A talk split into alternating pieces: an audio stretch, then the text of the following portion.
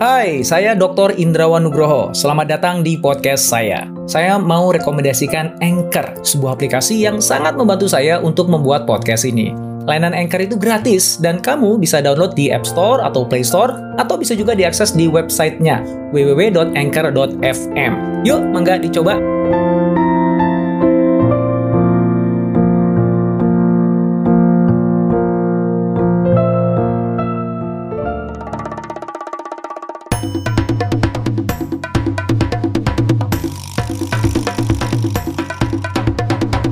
Kini Podcast Network. Ke mana semua pelangganku pergi? Mungkin sebagian dari Anda mulai ngalamin itu ya. Seolah-olah baru kemarin menikmati masa-masa indah di bisnis Anda. Pelanggan banyak, jualan mudah, keuntungan melimpah. Lalu kini semuanya berubah. Pelanggan Anda hilang entah ke mana. Penjualan turun drastis. Keuntungan? Mendingan gak usah dibahas ya. Terlalu menyakitkan. Apa yang salah ya?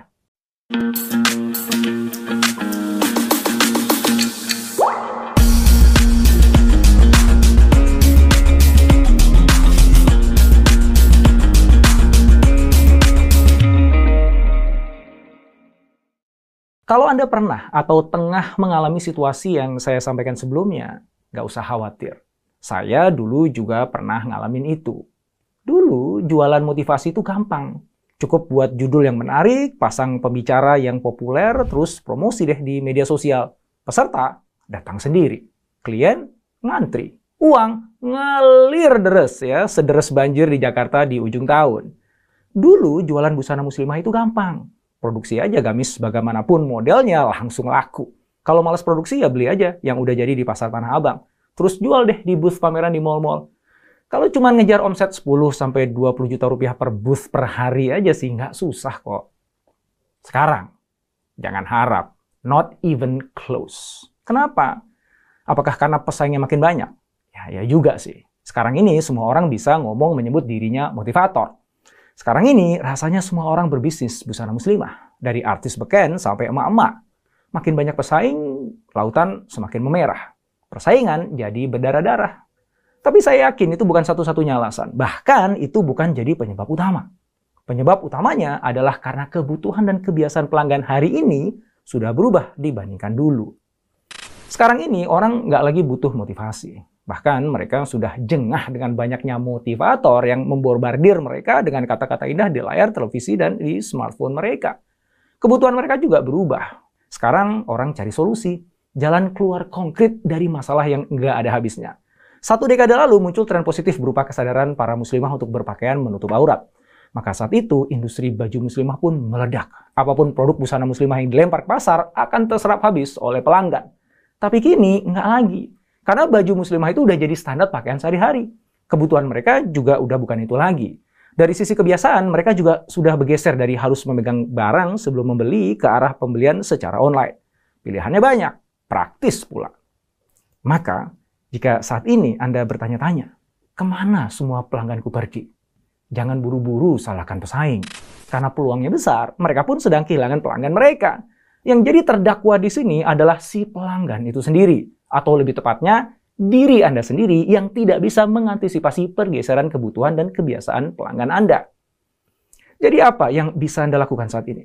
Yang jelas, Anda harus bisa mengidentifikasi arah pergeseran kebutuhan dan kebiasaan dari pelanggan Anda. Seperti yang saya contohkan sebelumnya. Setelah itu, lakukan salah satu dari tiga strategi berikut ini.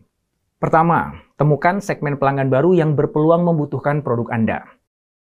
Lakukan itu jika Anda tidak mau melakukan apa-apa terhadap produk Anda, sementara jumlah pelanggan yang Anda layani saat itu sudah semakin menyusut. Contohnya adalah Mohawks Fine Papers, sebuah perusahaan pemasok kertas untuk berbagai perusahaan-perusahaan besar dunia sejak tahun 1931.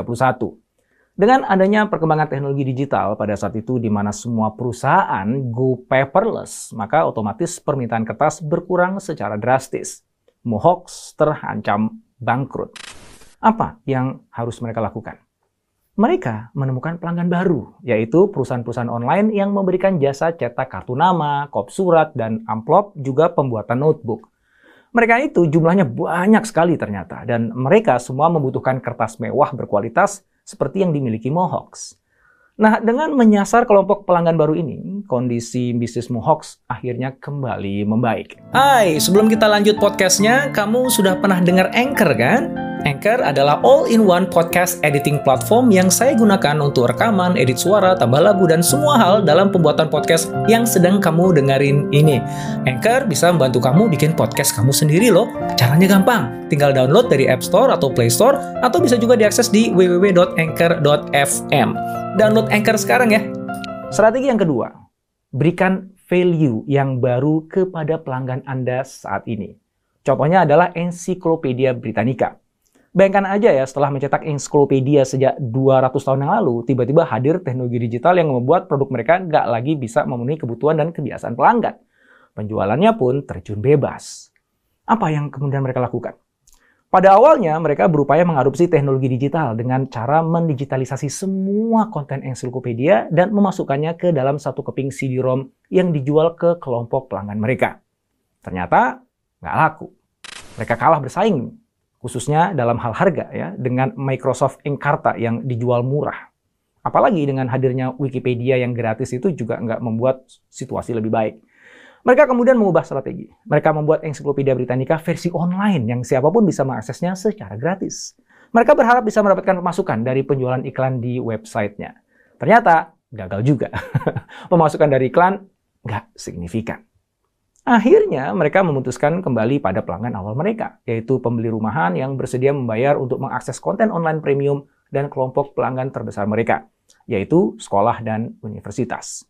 Untuk pelanggan rumahan, mereka ciptakan konten-konten khusus yang bernilai tinggi dan tidak tersedia untuk mereka yang mengakses Britannica Online secara gratisan.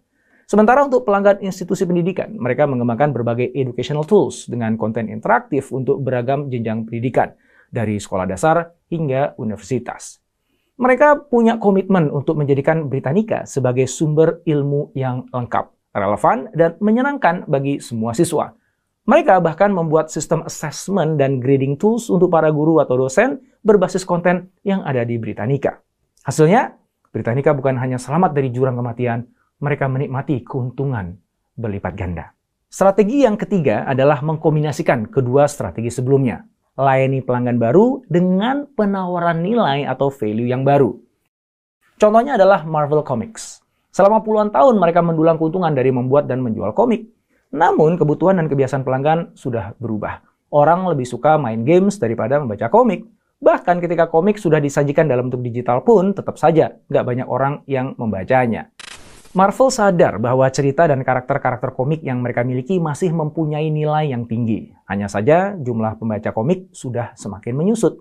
Maka mereka harus mencari kelompok pelanggan baru dan menawarkan nilai yang baru juga pada mereka. Apa yang membuat bisnis Marvel masih bertahan saat itu? Ternyata adalah pemasukan dari license fee yang diperoleh dari studio film yang memproduksi film menggunakan karakter Marvel. Dari situlah Marvel menyadari sebuah peluang besar yang bisa ia mainkan. Marvel kemudian memutuskan untuk membuat studio filmnya sendiri bernama Marvel Studio yang fokus memproduksi film-film superhero dari karakter komiknya sendiri. Ternyata keputusan tersebut membuahkan hasil yang sangat manis. Marvel berhasil menjual cerita dari karakter-karakternya dalam jumlah besar pada pelanggan baru yang bukan pembaca komik, menggunakan medium yang baru, yaitu film bioskop dan DVD, bukan komik yang menyajikan pengalaman berbeda dari sebelumnya, sebuah nilai yang baru. Nah, itulah ketiga strategi yang bisa Anda gunakan untuk tetap bertahan dan menang ketika jumlah pelanggan Anda semakin menyusut. Sekarang mana di antara ketiga strategi tersebut yang Anda akan gunakan untuk bisnis Anda? Jangan terlalu lama berpikirnya ya, segera aja ambil keputusan dan lakukan aksi nyata. Anda nggak perlu harus langsung benar kok di awal. Mungkin saja di perjalanan nanti Anda lakukan beberapa penyesuaian. Intinya adalah lebih baik salah kemudian mengkoreksinya daripada diam saja dan membiarkan bisnis Anda tenggelam. 10 tahun yang lalu, saya memutuskan untuk menghentikan semua produk pelatihan motivasi. Karena saya tahu saat itu apa yang pelanggan saya butuhkan adalah solusi. Dan saya tidak mau hanya memberi solusi. Kubik, perusahaan yang saya pimpin pada saat itu, harus bisa memberikan solusi praktis yang bisa langsung diaplikasikan dan menunjukkan dampak yang nyata. Hasilnya, di tengah industri yang cenderung stagnan bahkan menurun menurut beberapa kalangan, Kubik saat itu justru terus bertumbuh semakin kuat baik dari sisi jumlah klien, pemasukan, maupun keuntungan usaha. Setelah tujuh tahun, istri saya menjalankan bisnis busana muslimah dengan tingkat penjualan yang terus menurun, akhirnya saya bersama istri memutuskan untuk mengubah haluan. Kami memilih kelompok pelanggan yang spesifik yang kami yakini kebutuhannya belum terpuaskan dengan baik, yaitu para muslimah profesional.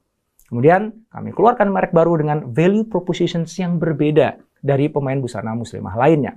Metode penjualannya pun kami ubah. Hasilnya, dalam waktu kurang dari satu tahun, jumlah pelanggan Nina Nugroho pada saat itu meningkat hampir 100 kali lipat. Wow, segala puji bagi Allah. Saya telah melakukannya. Sekarang, giliran Anda.